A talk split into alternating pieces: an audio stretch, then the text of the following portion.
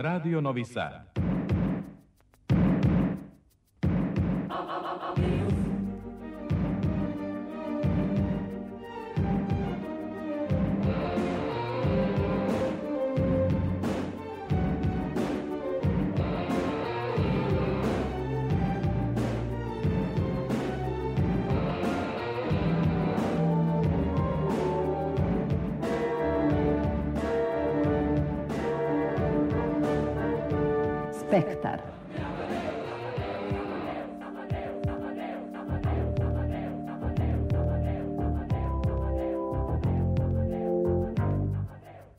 Spektar. 10 sati i 15 minuta. Dobro večer, dragi slušaoci. Spektar, magazin za kulturu Radio Novog Sada. Večeras nudimo i preporučujemo ove teme. Laureatkinja nagrade Nikola Milošević, Gorana Rajičević, govori o svojoj knjizi Agon i melanholija, život i rad Miloša Crnjanskog. Novosadski reditelj Miloš Pušić uoči 72. Fest, filmskog festivala u Berlinu o svom novom filmu Heroji radničke klase. Dragana Konstantinović, arhitekta o izložbi Novi Sad, moderni grad, koja će sutra biti otvorena na Spensu u Novom Sadu. Jasmina Davidović, muzejska savjetnica o programu Arheo Danube, čiji je partner i muzej Srema. Toliko u najavi, ja sam Aleksandra Rajić, pozivamo vas da budete uz talase Radio Novog Sada narednih sat i pol.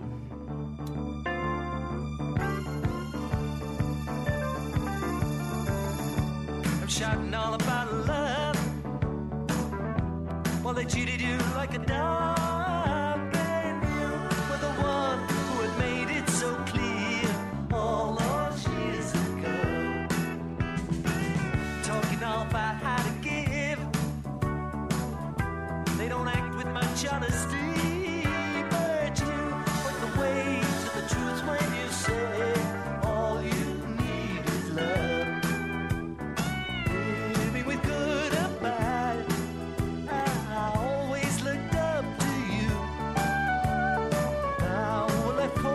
inside by someone, the devil's best friend, someone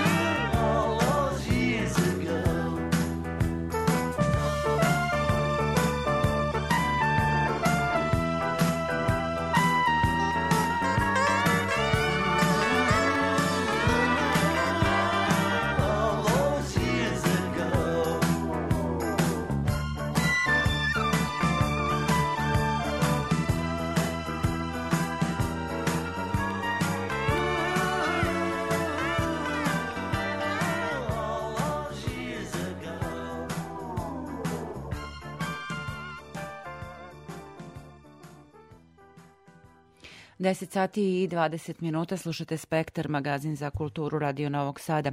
Agoni i melanholija, život i rad Miloša Crnjanskog, monografska publikacija autorke Gorane profesorske, profesorke Filozofskog fakulteta u Novom Sadu, a u izdanju akademske knjige nagrađena je priznanjem Nikola Milošević. Već je zavredila i nagradu Laza Kostić, a ta publikacija je i u najužem izboru za Vitalovu nagradu. Sa Goranom Raičević o Crnjanskom Crnjanskom istraživanju razgovarala je Tatjana Novčić-Matijević. Možemo se složiti da je Miloš Crnjanski dobio mesto koje zaslužuje u srpskoj literaturi posle svih onih stigmatizacija i, i povratka u državu i povratka u ovu kulturu i sve. Je li sve istraženo kada je reč o stvaralaštvu Miloša Crnjanskog? Da li ste vi naišli na bilo koji prostor koji je mogao da otvori neke nepoznanice pa da nam vi u ovoj knjizi to e, realizujete, dodate Pa ja se nadam da sam ja dala jednu sintezu, znači priču o životu, ali i o ukupnom delu Miloša Crnjanskog. Dakle, da sam u, knjizi e, donela i neke činjenice i neke zaključke koji do sada nisu bili poznati široj publici. Znači, ulazila sam i u neke pojedinačne odnose sa ljudima koje, sa kojima je Crnjanski sarađivao, istražila prepisku, objavljenu i neobjavljenu. I mislim da tu ima i nekih novih stvari, ali da vam kažem, istraživanja se nikad ne završavaju i to kažem i svojim studentima da nismo mi njihovi profesori ti koji će reći poslednju reč o, o književnosti i da je njihova budućnost. Znači, mi ne možemo da se stavimo u cipele novih generacija, kao što naši profesori nisu mogli da se stave u, u naš položaj i mladi ljudi će uvek naći nešto novo i doživljavaće literaturu na jedan drugačiji način. Hoću reći, e, književnim kritičarima je u nekoliko lakše nego naučnim istraživačima. Književni kritičari odaberu jedan ugao, jednu školu mišljenja, istraživač je u obavezi da poštuje ono što je činjenica, pogotovo istoričar književnosti, ali mora da sve... I, i da li tu ima prostora za te uh, drugačije uglove uh, posmatranja i tumačenja stvari? U, u književnoj teoriji svakako. O, delo Miloša Crnjanskog se pokazalo kao vrlo podatno za tumačenje kad je reč o ovim novim književnim teorijama. Znači, e, njegovom delu može da se priđe zaista iz različitih uglova i sa stanovišta e, novog istorizma, postkolonijalne literature, e, psihoanalitičkog pristupa čak. Znači, svi ovi pravci i tematski i motivski su uh, utemeljeni u njegovom delu i uh, zato studenti istraživači mladi jako rado uh, biraju delo Miloša Crnjanskog za te svoje početničke radove. Ali kada se piše ovakvo jedno delo, onda morate morate znati sve. Morate znati istorijski, politički kontekst uh, u kojem je on živeo. Znači ja po profesiji nisam istoričar, ali sam morala da, da prođem kroz ceo taj period 20. Uh, veka koji je... Uh, sam, sam po sebi toliko radio. buran, da, da, da. Tako je, tako je. Tako da je Crnjanski uvek bio vrlo blizu tih političkih događaja, mm. zato što je eto jedan deo njegovog života prošao u toj takozvanoj diplomatskoj službi, mada on nikada nije imao neke visoke položaje, kao što je recimo Ivo Andrić bio naš opunomoćeni poslanik u Berlinu. Crnjanski je bio ataše za štampu, što je zapravo bio položaj ništa veći od novinara. Znači, on je izveštavao iz Berlina i, i, iz Rima u, u vreme upravo dolaska Hitlerovog na vlast i u Mussolinijevom Rimu, tako da su su ti izveštaji nešto što je njemu u stvari mnogo štetilo kasnije, jer su mnogi želeli da protumače upravo te njegove tekstove kao ideološki pristrasne i kao tekstove koji dokazuju njegovu navodnu simpatiju prema ovim totalitarističkim ideologijama, što Ja sam pokušala u ovoj knjizi da pokažem, nije bilo isto. Miloš Crnjanski je ipak jedan od redkih naših pisaca kojem je bespogovorno priznat taj visoki književni status, ali s druge strane i, ima tih ideoloških lomova i kontradiktornosti. Vidimo sve češće i oko Ive Andrića se plete ta priča. Da li je to zapravo usud velikih pisaca sa ovih prostora? Da, da, da se ideologije naprosto sudaraju u nečemu što je neosporno velika literatura. U pravu ste sasvim, uvek je, kada se govorilo o Crnjanskom, isticana je ta veličanstvenost njegovog dela, priznato mu je da je veliki pisac, ali sa druge strane uvek se dovodilo u pitanje nešto što je njegova ličnost, čak i njegov karakter je dovođen u pitanje, mm, to vidimo iz nekih svedočenja njegovih savremenika, a i ta navodna ideološka njegova opredeljenost za desničarske ideologije. Ljudi vole da otkrivaju neke tako škakljive momente iz e, života naših velikana, kao da oni nisu bili ljudi, pogotovo je to sad vidljivo u slučaju Ive Andrića, ali ja mislim, kad je reč o Crnjanskom, da sam ja ovde, nisam neskromna, pokušala da argumentujem i da dam portret onog pravog Crnjanskog i da ga odbranim u stvari od, od svih tih uh, optužbi kojima je ceo život bio izložen. On je zaista bio nepotkupljiv čovek i nisam slučajno u uvodu ove knjige e, navela onaj citat Sokratov koji se obraća građanima Atine i koji kaže da sam ja u pravu, to dokazuje moja sirotinja. Crnjanski nikada nije pristao na kompromis, bio je u Londonu sa svojom suprugom zaista na ivici egzistencije, potpuno marginalizovan, svedočio o tome da su bili na ivici samoubistva, ali nikom nije, nije podilazio i ostao je zaista uvek svoj. Voleo je da ratuje sam, kako kaže, nikada niko nije ustajao u njegovu odbranu. Možda njegov izdavač Ačimović koji je eto hteo da ga odbrani od optužbi kojima je bio izložen u emigraciji, ali optužbe su dolazile sa različitih i diametralno suprotnih strana. Znači, nije ga volela ni emigracija, nisu ga voleli ni njegovi bivši prijatelji Marko Ristić i Milan Bogdanović, koji su uh, bili komunisti, koji su pucali iz svih mogućih oružja, ne bili sprečili njegov povratak u srpsku kulturu koji se srećom desio. Koji se da. srećom desio, da. Ali uh, tužno je kad mi shvatimo da je tako veliki pisac proveo trećinu svog životnog veka u inostranstvu ali opet sa druge strane govorio je on o tome da je njegov život bio nesrećan, ali je sa druge strane on bio svestan da je to bio put koji je on morao da pređe da bi ispunio, kako je rekao, svoju sudbinu, da bi napisao ta dela Upravo koja sam je to napisao. htela, da, da, da, da, da prokomentarišem to izgleda pitanje. Je, da. izgleda je to moralo da bude tako i uh,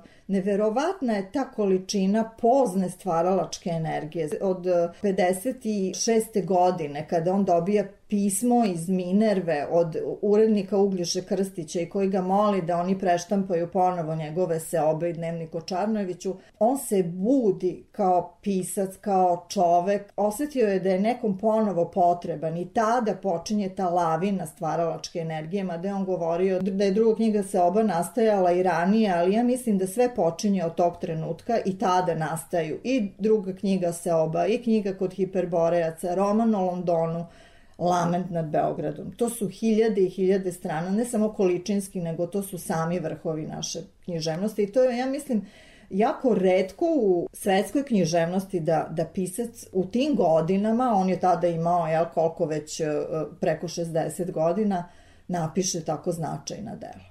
A motivacija je bila to, da ga ponovo čitaju u, u, u Beogradu.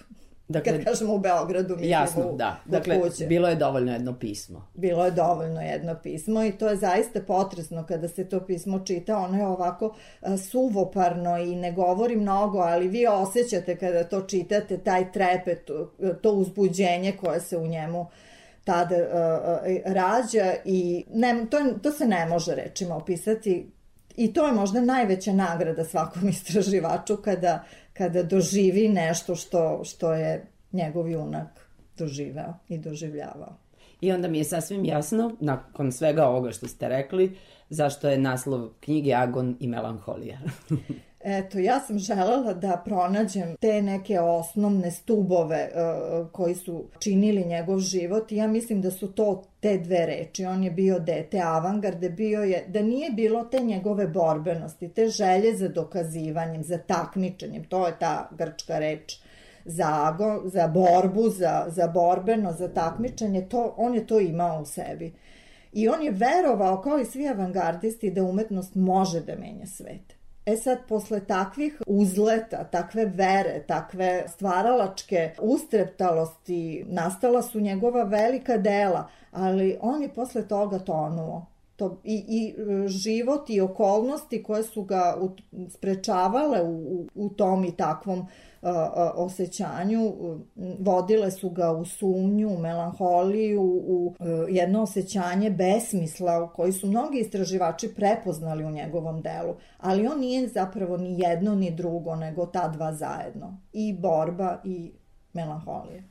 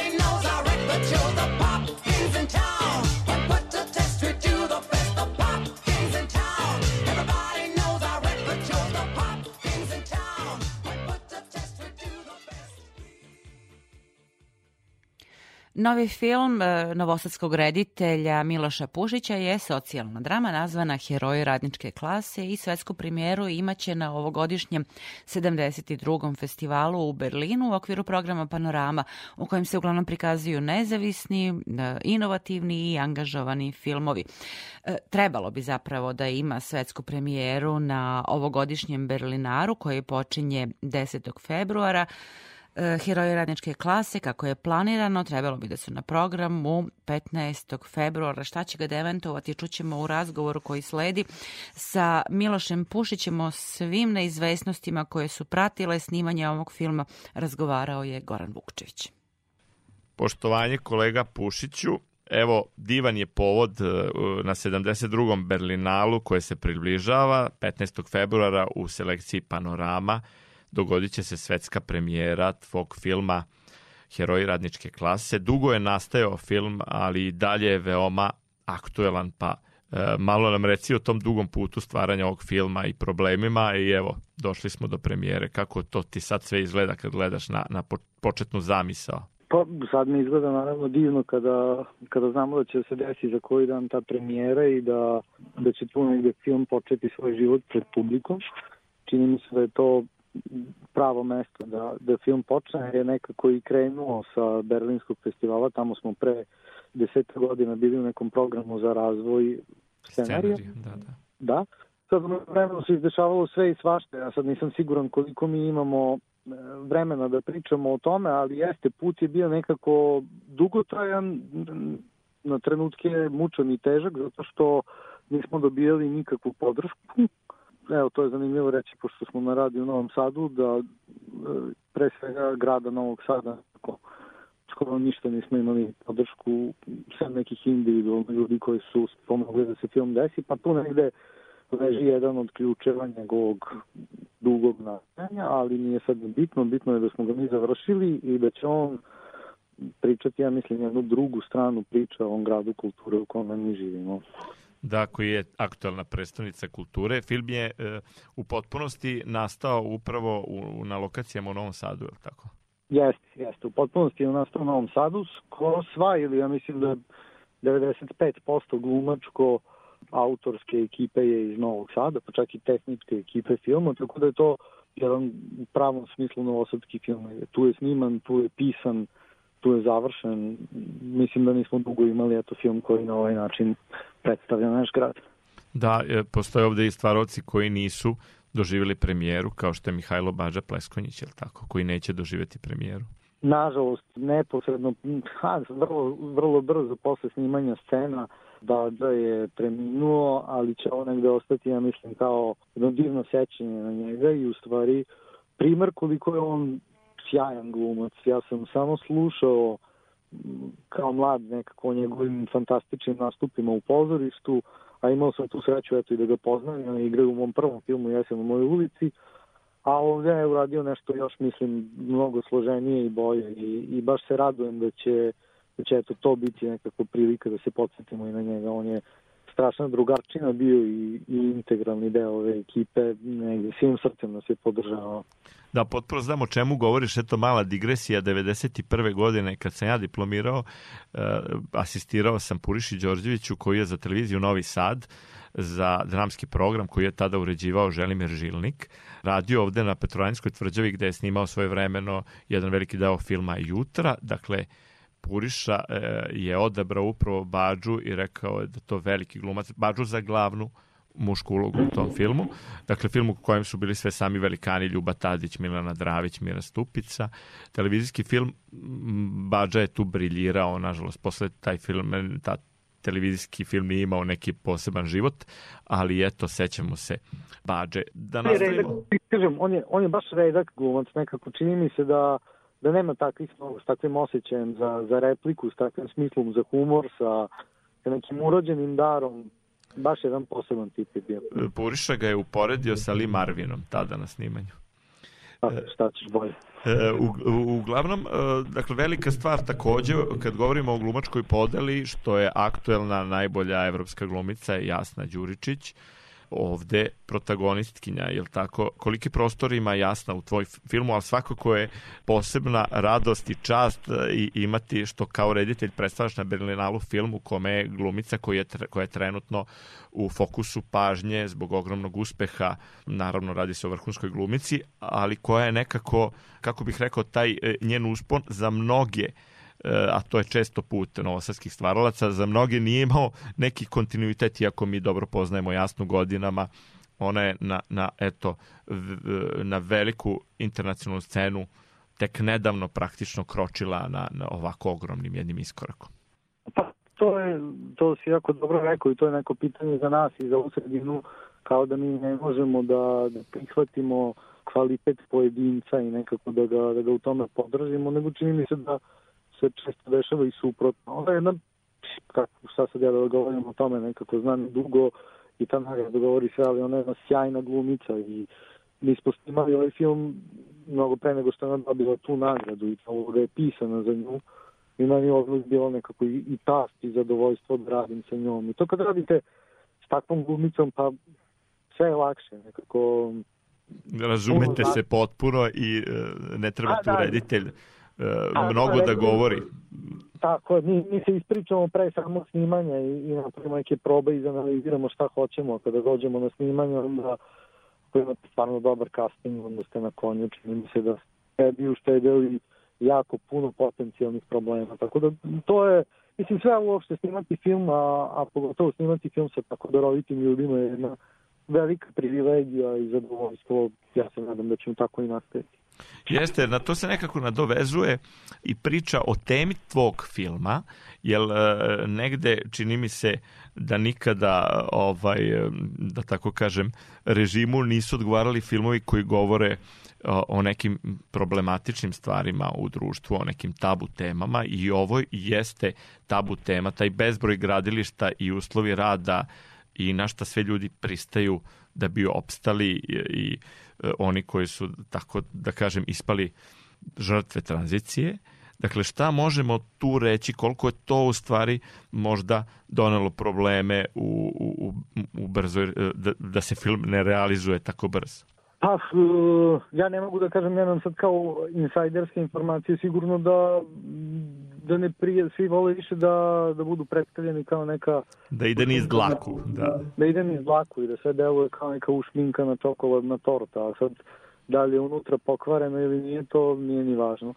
Tako da, verovatno da jeste i to nešto što ne imponuje sada, mm, kako bih rekao, ljudima koji su odgovorni za takve stvari. S druge strane, ja sam malo i, i skeptičan prema tome, jer sad ne postoji e, film, neko bi trebao da ili bilo koje umetničko delo da otvori neka pitanja, da ukaže na neke suštinski važne stvari, ali ih ne može promeniti. Nema, nažalost, nema tu moć kao možda što je imao pre stotinak godina da, da negde iz temelja ljulja neke stvari. Ali opet, ja, ja sam to negde pravio i svoje potrebe da odreagujem na, na taj, kako bismo ga nazvali, investitorski kapitalizam i to rušenje grada građenjem, koje mislim da se desilo u Novom Sadu u prethodnih, pa sad se već može reći 20 i nešto godine, 25 mm, godina. Da je potpuno zbrisan jedan arhitektonski identitet grada. Pa da, i, i, i ne sam, ja sad, ja nisam neki, e, to bih hvala da istaknem, ja nisam sad neki protivnik uh, promena i menjanja. Sad kao tek, jao, ali ovo nekada bilo divno i ne treba nikada dirati. Ne, zašto, zašto ići napred, ali uh, čini mi se da on nije bio korak u napred, ovo je bio korak za sticanje novca određene količine ljudi, a ne nešto što je progresivna ideja. I u tom smislu e, trpe građani. Nekako ono što je rađeno, u stvari niko za sve to vreme te transformacije koju grad preživljava nije mislio o kvalitetu života tvom, mom, naših komšija, a sad sve više i više vidimo to kroz najbanalnije primere od toga da, ne znam, kolicima sa detetom ne možete da idete ulicama, do toga da tražite parking danima i oko, oko zgrade, da su ulice prljave, to su sve neke sitne posledice koje kao ne deluju direktno vezane za ovo, u stvari apsolutno proizilaze iz, iz tog stihijskog građanja prethodnih godina. Da, i uh, s obzirom da si ti rođen 1980. godine, e, pripadaš ipak nekoj generaciji ono posle Tita, a naravno i ovi koji su bili pre moje generacije kažu da je radnička klasa ipak mnogo bolje prolazila i ovaj naslov e, tvoj heroj radničke klase, mislim da će mnogima biti asocijacija koliko je koliko su odlaskom neke bivše Jugoslavije, neke te epohe i tog uređenja i kad je došao divlji kapitalizam, da smo se nekako prosto vratili možda ne baš u egipatsko ropstvo, ali postoje, ovaj, kako da kažem, radnička klasa je prilično ugrožena, rekao bih, nekim novim sistemima, gde je, kao što smo malo prepomenuli, kapital i zarada glavni cilj. Pa da, ona je, po, ona je podređena tome, u stvari, od tog društva kog se ja onako sećam kao zakačio sam njegov deo i, i, i generacije naših roditelja negde su dosta sveže to sve doživljavali i pričali nam o tome. Da, to je, mislim, bilo neko društvo gde je čovek bio, u kojem nije bilo apsolutno savršeno, koje ja sad kao ne želim da pravimo toga neku utopiju kao koju mi sad smo pobegli od toga. Ono je imalo svoje mane, ali je, mislim, bilo postavljeno tako, barem na nivou ideje, da je, da je neki običan čovek u centru toga. Ne to možete da vidite i po nekim naseljima koje su tada građena, koja sad stvarno izgledaju... Da, kao jesen u moje ulici na Detelinari, recimo, da. Pa da, to, to je zanimljivo da kad vi šetate, ti stanovi nisu luksuzni, ali prostor između, taj javni prostor u stvari je bio nešto što je bilo važno. I, I bio je human, da, daleko Tako human. Tako je, da, kao ne, ne, negde kao mogao si da izađeš ispred zgrade i da se igraš sa drugovima, da ne misliš ko će te pogaziti auto, da li ćeš upasti u kontejner otvoren. I, jeste, i bilo je tih zelenih površina i parkova i mislilo se i na decu, nije se mislilo samo da se sve izbetonira da bi se što više kvadrata prodalo. Pa da, sad je jedino suštinsko pitanje je koliko kvadrata mi možemo da napravimo na jednom kvadratu. To je u stvari... Tako je, a nameštaj kad se budu useljavali stanari nek unose dizalicom kroz prozore. Ka, kako god znaju i umeju, da.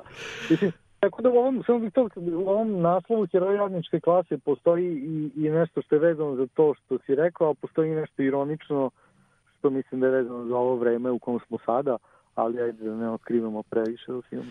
Tako je. Kada možemo očekivati film Heroji radničke klase uh, u našim bioskopima? Kada ćemo ga gledati u areni Cineplex u kulturnom centru i tako dalje? Ma, pa on sad 15. sad naredne nedelje je premijera u Berlinu, potom će imati premijeru na Beogradskom festu uh, 4. marta, to je sad čisto vrlo blizu i uh, ja se nadam da ćemo vrlo brzo, tačnije dan posle toga imati priliku da ga vidimo i u Novom Sadu a da će potom uslediti i bioskopska distribucija. Sad, ja ne mogu tačno da kažem datum jer nismo to precizirali, ali s obzirom da smo toliko dugo radili na filmu i da je on negde, stvarno mislim, nešto što bi trebalo da vide građani Novog Sada, či voleo bih da to bude što pre, nekako nema razloga za čekanje. Sjajno je što nećemo morati mnogo da čekamo, du, da čekamo dugo da bismo videli heroje radničke klase. Poštovani slušalci, bio je ovo reditelj Miloš Pušić. Miloše, Hvala ti mnogo na ovom razgovoru, ja ti želim mnogo uspeha na 72. Berlinalu. Da li ćeš putovati e, s obzirom na ove mere, pa su, bilo je nekih neizvesnosti? Uh, hvala na pozivu, a što se tiče odlaska u Berlin, uh, verovali ili ne, mi još uvek to do kraja ne znamo. Pošto su brojevi uh, zaraženih u Srbiji dalje veliki, mi se nalazimo opet crvenoj listi i putovanje nam je dosta zakomplikovano. Tako da ako se nešto promeni u poslednjem trenutku, možda se i nađemo u Berlinu, ali nisam optimističan po tom pitanju. Hvala ti, ja želim da se to promeni, a svakako želim dobar i festivalski put tvom filmu e, i naravno tebi mnogo uspeha pred publikom. Hvala puno, Gorane. Sve najbolje, prijatno. Prijatno.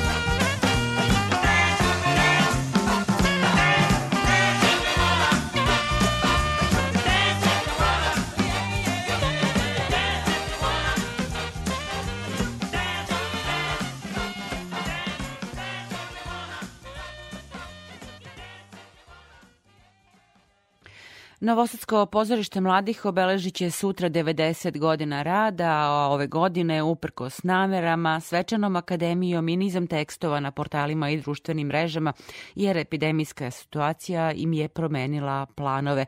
Premijera Dece paklene pomoranđe predstave Kokana Mladenovića pomerena je tek za kraj februara. Evo kako je o jubileju najstarije Lutkakse pozorišta u Srbiji govorio direktor Mihajlo Nestorović. Zanimljivo je da veoma malo e, tragova i materijala postoji za prvih 40 godina pozorišta. Vi ne možete naći nijedan snimak od osnivanja, znači do nekih 70. godina ne postoji jedan snimak Zašto? u pozorištu, ne znamo. Ne znamo.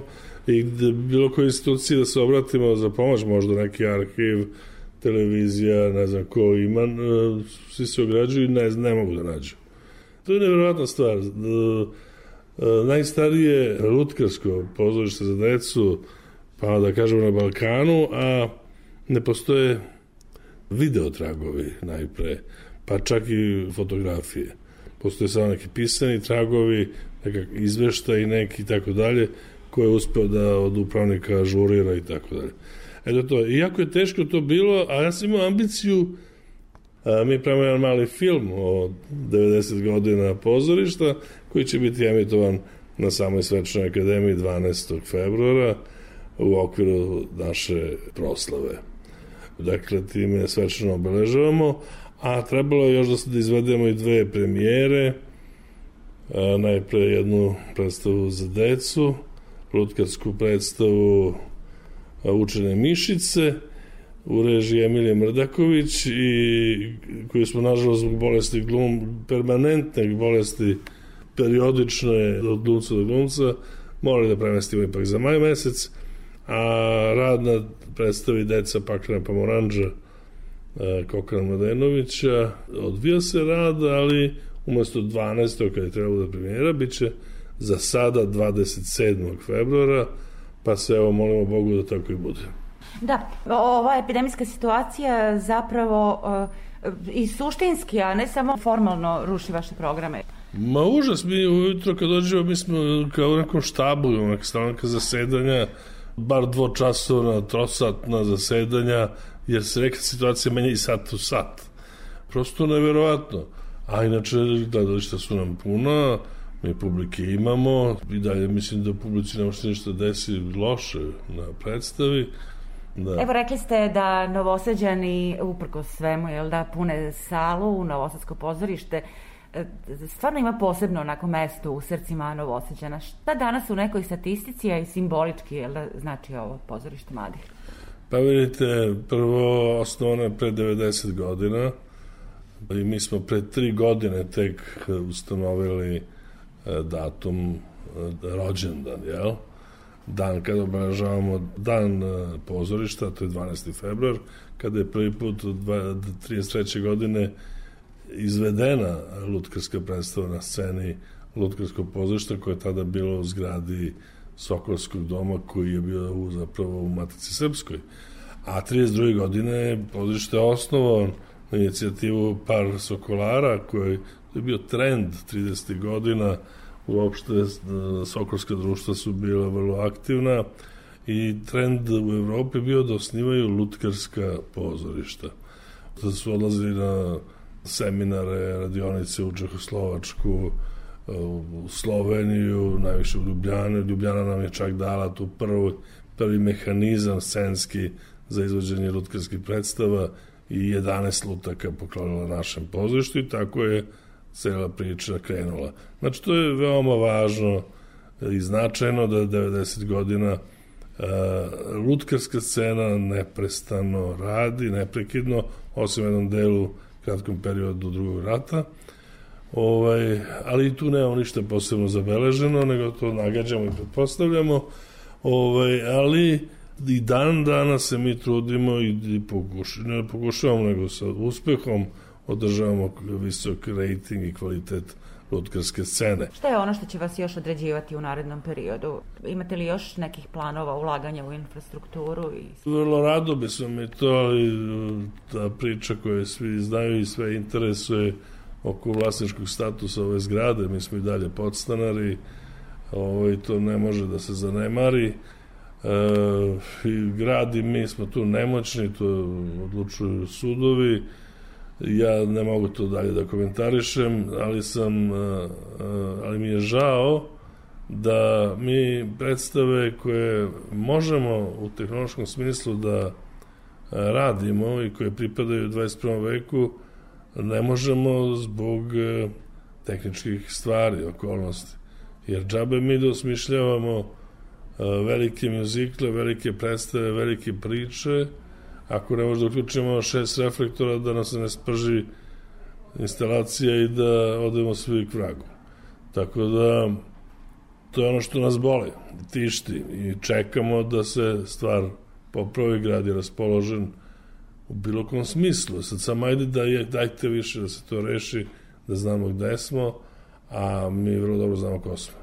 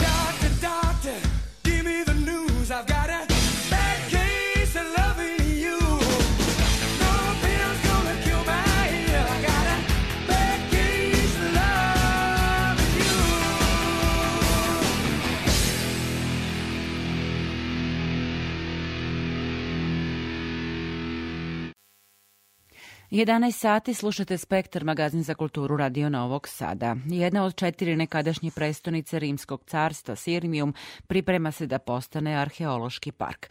Muzej Srema partner je na evropskom projektu Arheodenjub, arheološki parkovi u urbanim celinama kao sredstvo za ostvarivanje lokalnog održivog razvoja, to je ceo naziv ovog projekta.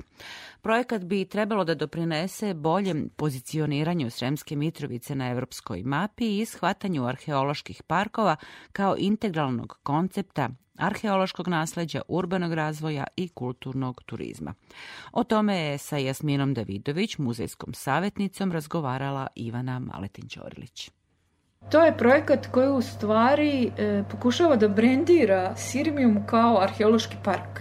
Šta je arheološki park? To je otvoreni muzej gde ljudi imaju pristup da mogu da vide e, razne stvari vezane za arheologiju ovde kod nas za rimski period i za Sirmiju. Veoma je kompleksan projekat i u okviru projekta, pored gomile stvari koje smo uradili, mi ćemo dati predlog lokalnog arheološkog plana kojim će se uraditi to brendiranje, povezivanje svih lokaliteta, mada to kolege iz zavoda već rade. Lokaliteti su Carska palata, e, pored, u kompleksu Carske palate je lokalitet 31 koji je ispod hotela Sirmium, tu se nalaze ostaci kule, Žitni trg, oni su otvoreni, zatim Bazilika Svetog Dimitrija, koja je isto očuvana na veoma praktičan način, zaštićena i ovaj lokalitet u muzeju koji je u momentu otkrivanja, isto slučajno otkrivene, radili su okolo neke zgrade i slučajno otkrili, pravili su rupu za bacanje smeća, tog šuta. I otkriju najveću mozaiku. Mislim, ali to nije ništa čudno za, za Sirmiju. A šta bi taj projekat e, doprineo, samo da se vratimo?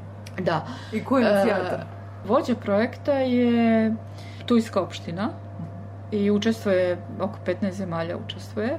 Mi ćemo u okviru projekta znači, napraviti taj plan da se brendira Sirmium kao arheološki park sa svojim ostacima i e, pokušat ćemo, napravit ćemo pilot projekat gde ćemo malo muzej obogatiti sa raznim sadržajima, što je isto deo projekta, da se uradi nova interpretacija arheološkog nasleđa e, putem e, panoa, pošto ljudi još uvek vole da pročitaju nešto na nekom panovu, i raznih digitalnih inovacija poput 3D animacija.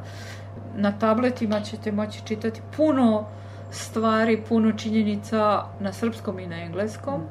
O samim lokalitetima, da se predstave lokaliteti, bit će povezani sa materijalom, što je veliki nedostatak naše postavke na spratu, da vi nemate sa kog je lokaliteta, to ljude interesuje. Gde ste ovo pronašli? Ako ste ga pronašli u gradu, gde na kom mestu? Da se pokaže, znači, bit će mape, bit će... Sve ono što ne možemo da stavimo zbog e, prostora, e, ćemo staviti u kompjuter i e, dobit ćemo jednu aplikaciju koja će ići putem telefona, zove se Scavenger Hunt, e, potraga za blago. Hoće to uticati na bolje brendiranje iz Sremske Mitrovice i obogaćivanje ja, ja turističke isk- ponude? Ja se iskreno nadam. stranih turista. E, Poenta je da. Da. se obogati turistička ponuda, e, koja, e, eto sad imamo taj infocentar turistički koji omogućava ali moramo imati sadržaje u muzeju koje odgovaraju ovom novom dobu. Ako nemamo sredstava da obogatimo zbirku sa boljim vitrinama i tako dalje, da okrećimo prostorije, ali evo sad imamo priliku da uvedemo malo inovacije. Jedna od ideja je da se radi storytelling. Ja sad koristim, pošto se projekat je na engleskom, pa ja ne, neću da prevodim te reči koje oni koriste. I da se animiraju, storytelling je u stvari da se pričaju priče, zanimljive priče, kao ova poput Sunčanog sata i tako dalje, za koje ćemo angažovati glumce, I onda će na velikom ekranu, kada ljudi dođu, moći ple- scenu. Da. E, nije e, to vrsta augmented reality, radi se uz pomoć kompjutera i video bima, e, zato što je pristupačnije, ovo je prilično skupo, ne možemo baš sve, ali nadamo se u nekoj budućnosti da ćemo moći to. E sad, ono što je jako zanimljivo je taj odnos grada i ljudi koji žive u gradu putem stakeholdera, kolega, raznih drugih struka. E, mi smo ih pozvali da učestvuju u projektu, da nam pomognu da se projekat ostvari i svi su apsolutno pozitivno odgovorili. Oduševili su se. Projekat će završiti krajem godine sa tim pilot projektom i sa proslavom u Ptuju i objavljivanjem rezultata. Znači sad nam predstoji jako puno posla da se sve to uradi.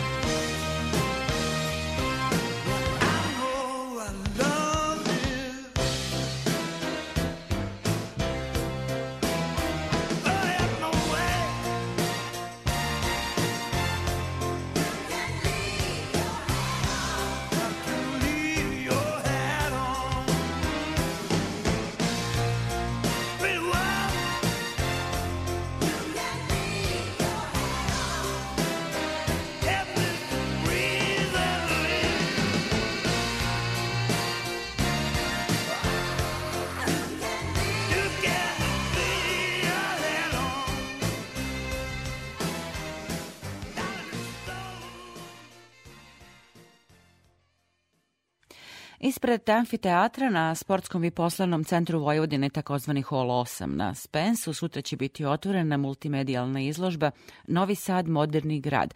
Izložba će predstaviti proces industrializacije grada, radikalnih infrastrukturnih promena, novih prostora kao i mesta na kojima se uspostavljao društveni život Novosađana u drugoj polovini 20. veka, tako kažu. Tako izložbu najavljuju novos, organizatori.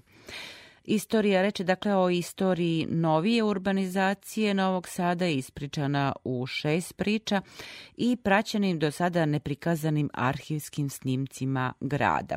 Jedan od simbola izložbe je i čuveni luster, jedinstven i stotine delova, koji je rekonstruisan na Spensu za ovu postavku. Projekat realizuje Baza, platforma za prostorne prakse, a evo šta smo snimili u razgovoru sa jednom od autorki, Draganom Konstantinović.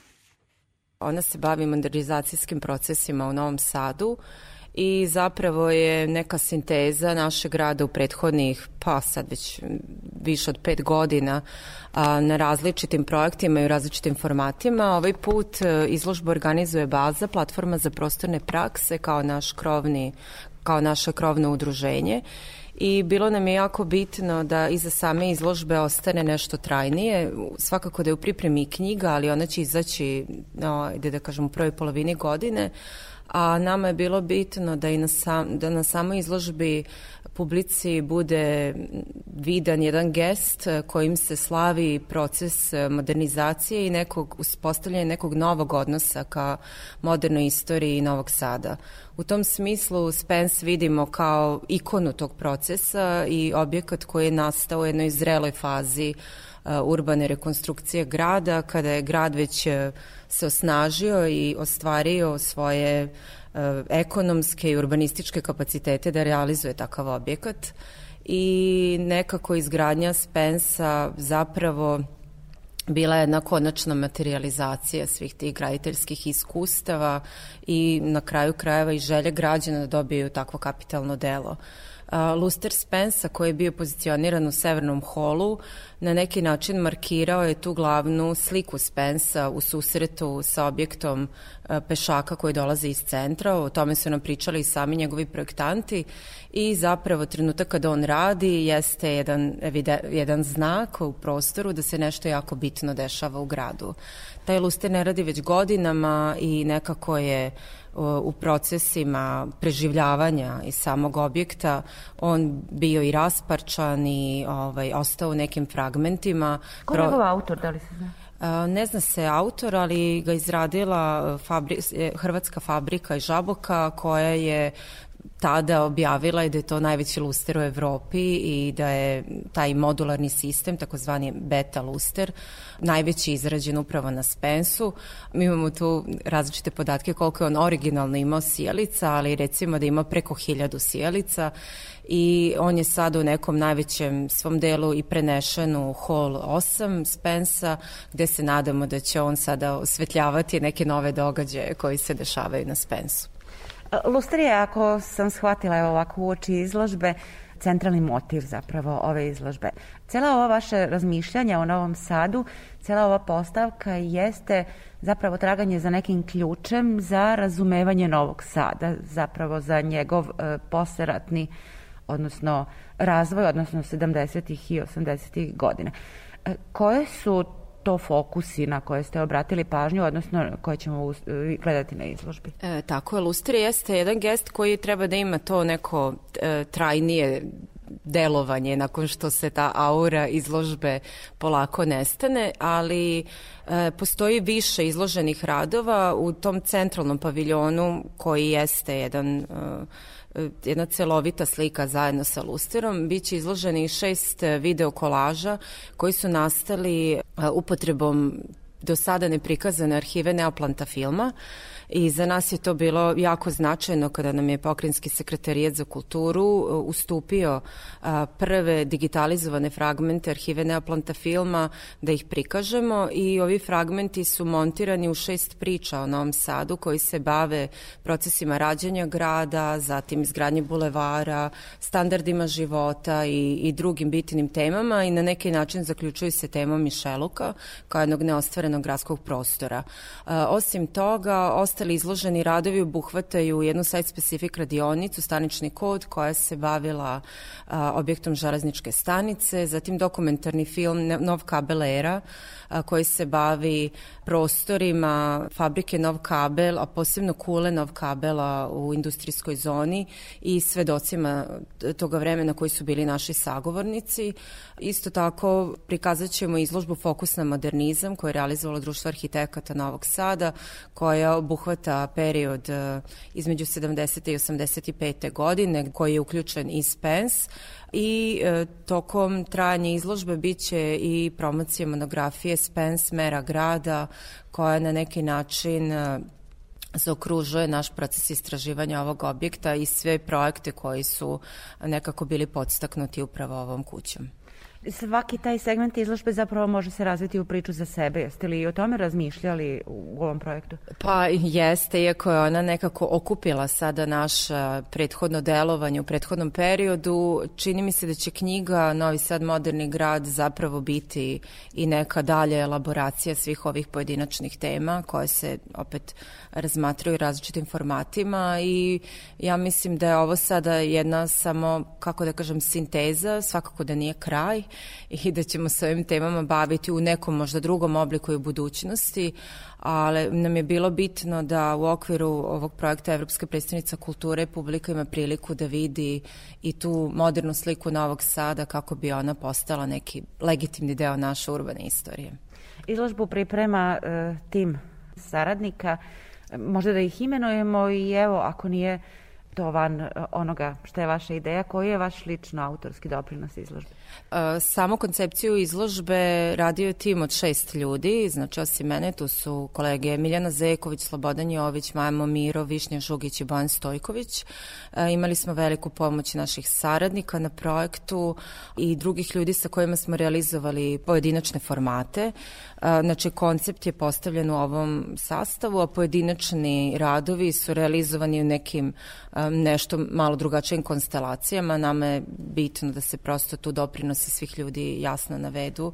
Svi aspekti ove izložbe su prosto deo nekog našeg delovanja i nekako nismo se sa tako ekskluzivno opredelili za jedan ili drugi format. Svako je tu doprinosio više u onim segmentima gde se bolje snalazi i šta mu je onako svojstvenije, ali čini mi se da je upravo to okupljanje ljudi različitih interesovanja i ljudi koji su skloni a, različitim medijima bilo nekako ključno da izložba dobije taj multimedijalni karakter koji nam je bio izuzetno bitan prosto jer nam se čini da standardne izložbe nekako e, nemaju taj dovoljan doseg u smislu komunikacije sa publikom i e, na neki način i web sajt i društvene mreže i ovo što će se desiti, što će se dešavati u stvari od subote na Spensu imaju za cilj da uspostave jedan aktivni dijalog sa publikom.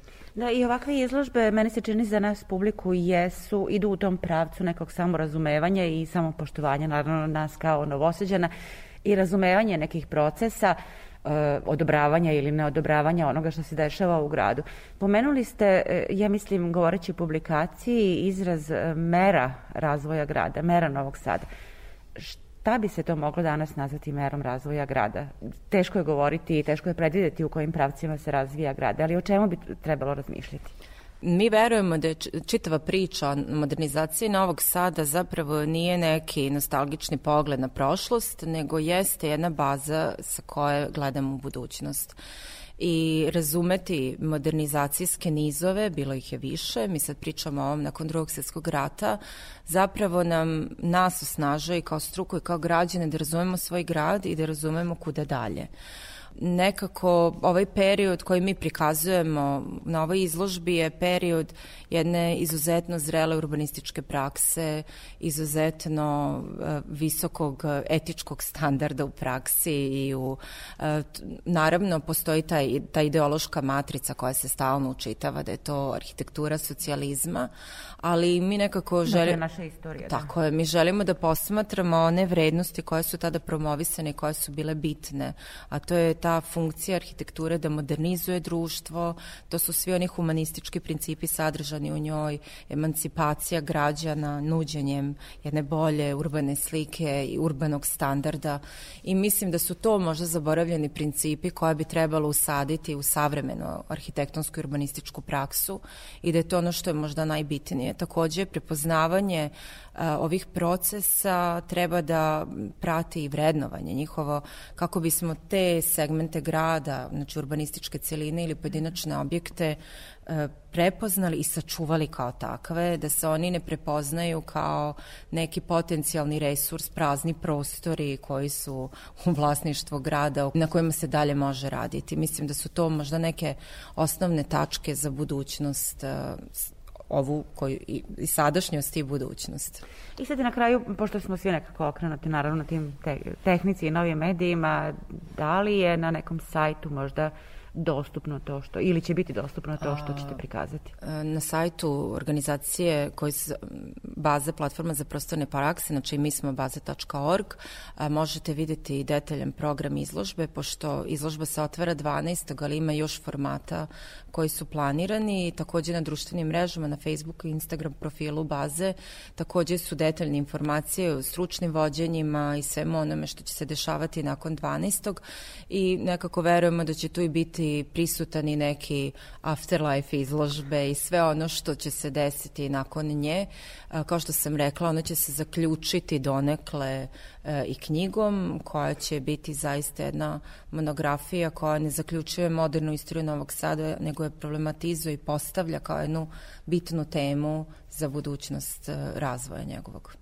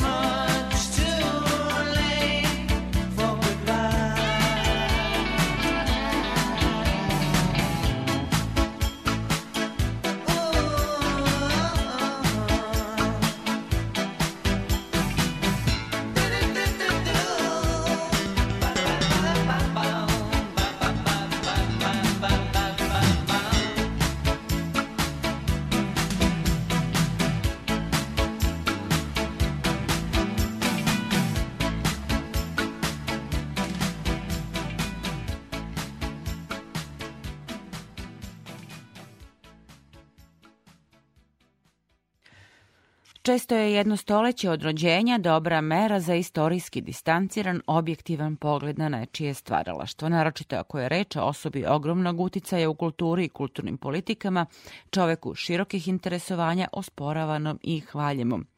Monografska studija Borislav Mihajlović Mihiz, kritičar i pisac Vladana Bajčete, nedavno je ugledala svetlost dana, a ovo je godina kada obeležavamo vek od Mihizovog rođenja. Detaljnije novinarka Radio Beograda Jovana Milovančević. Sintetička, sveobuhvatna, u najlepšem smislu te reči klasična monografija Vladana Bajčete, koja govori o celini opusa Borislava Mihajlovića Mihiza, kako se na promociji moglo čuti, impresivna je studija koja donosi uvid u totalitet stvaranja jednog od najznačajnijih kritičara, ali i pisaca druge polovine 20. veka, u čijem opusu je dugo u javnosti, ali i u nauci bilo ozbiljnih sporenja i nesuglasica, pre svega u pogledu njegovog impresionističkog odnosa prema umetničkom umetničkom delu.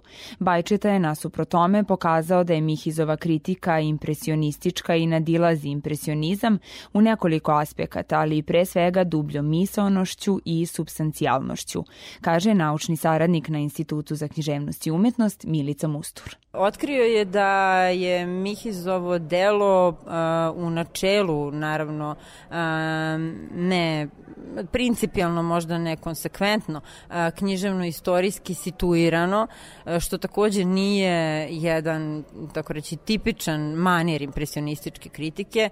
Uh, još uh, i naveo još niz aspekata koji govore u prilog tome da se Mihizova kritika ne može svesti samo na jednu leporeku, šarmantnu površnost, već da ona zaista poseduje i analitičku i sveukupno misaonu dubinu. Ovo je sintetička književno-istorijska studija kroz koju se u stišanom tonu pokazuju kako vrline, tako i mane Mihizovog pisanja i javnog delovanja.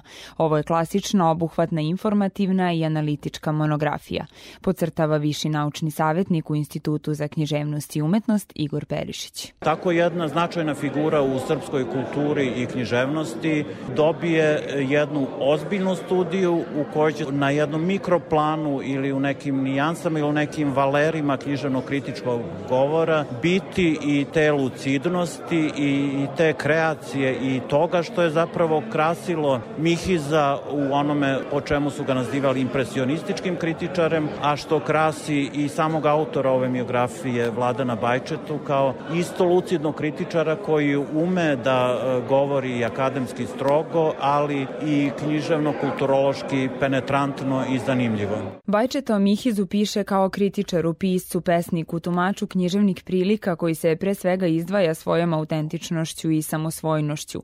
U Bajčetinom integralnom pristupu našle su se sve relevantne teme, motivi i postupci Mihizovog stvaranja. Odziv Mihiza kao stvaraoca prepoznajemo i u ovom tekstu, kaže zadovoljan recepcijom svoje studije autor knjige Vladan Bajčeta. Zadovoljan sam kako je knjiga prihvaćena, evo čuli smo lijepe uh, riječi o njoj od Milice Mus Mustur Igora Perišića, kako ste rekli, bila je u širem izboru za nagradu Nikola Milošević. Nadam se da će se čitati i zapravo najvažnije možda je to da kažem da je ona inicirala uh, pri, pripremu sabranih dijela Borislava Mihajlovića Mihiza i ona će biti kao jedno uputstvo za upotrebu tih sabranih dijela. Tako ja doživljavam i preporučujem čitaocima da je tako doživljavaju. Mihiz je kao kritičar slobodne fraze, misli, raskravio moj suviše akademski ton i nadam se da sam došao, dostigao neku sredinu, ne, nešto, nešto čemu sam zapravo od uvijek i težio. Eto, ako je došlo do toga, vidjet, bit će dobro, a vidjet ćemo u narednim kritikama da li je tako. Monografska studija Borislav Mihajlović Mihiz, kritičar i pisac, našla se i užem izboru za nagradu Nikola Milošević za najbolju knjigu iz oblasti teorije književnosti i umetnosti, estetike i filozofije, a prva je naučna monografija koju je do sada objavio Vladan Bajčeta. You ain't nothing but a hound dog.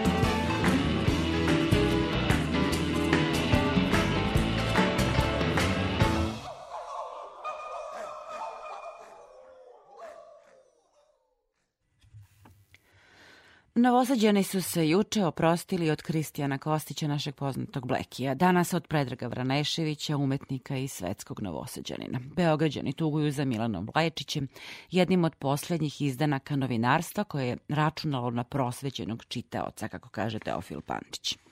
Mnogo je ovih meseci i dana tih ljudi kojih više nema i bez kojih će ova naša kultura biti manjkava. Završit ćemo ovde večerašnji spektar. Ostanite dobri, pažljivi, odgovorni. Ostanite s ljudima, to je isceljujuće. Čujemo se sledećeg petka.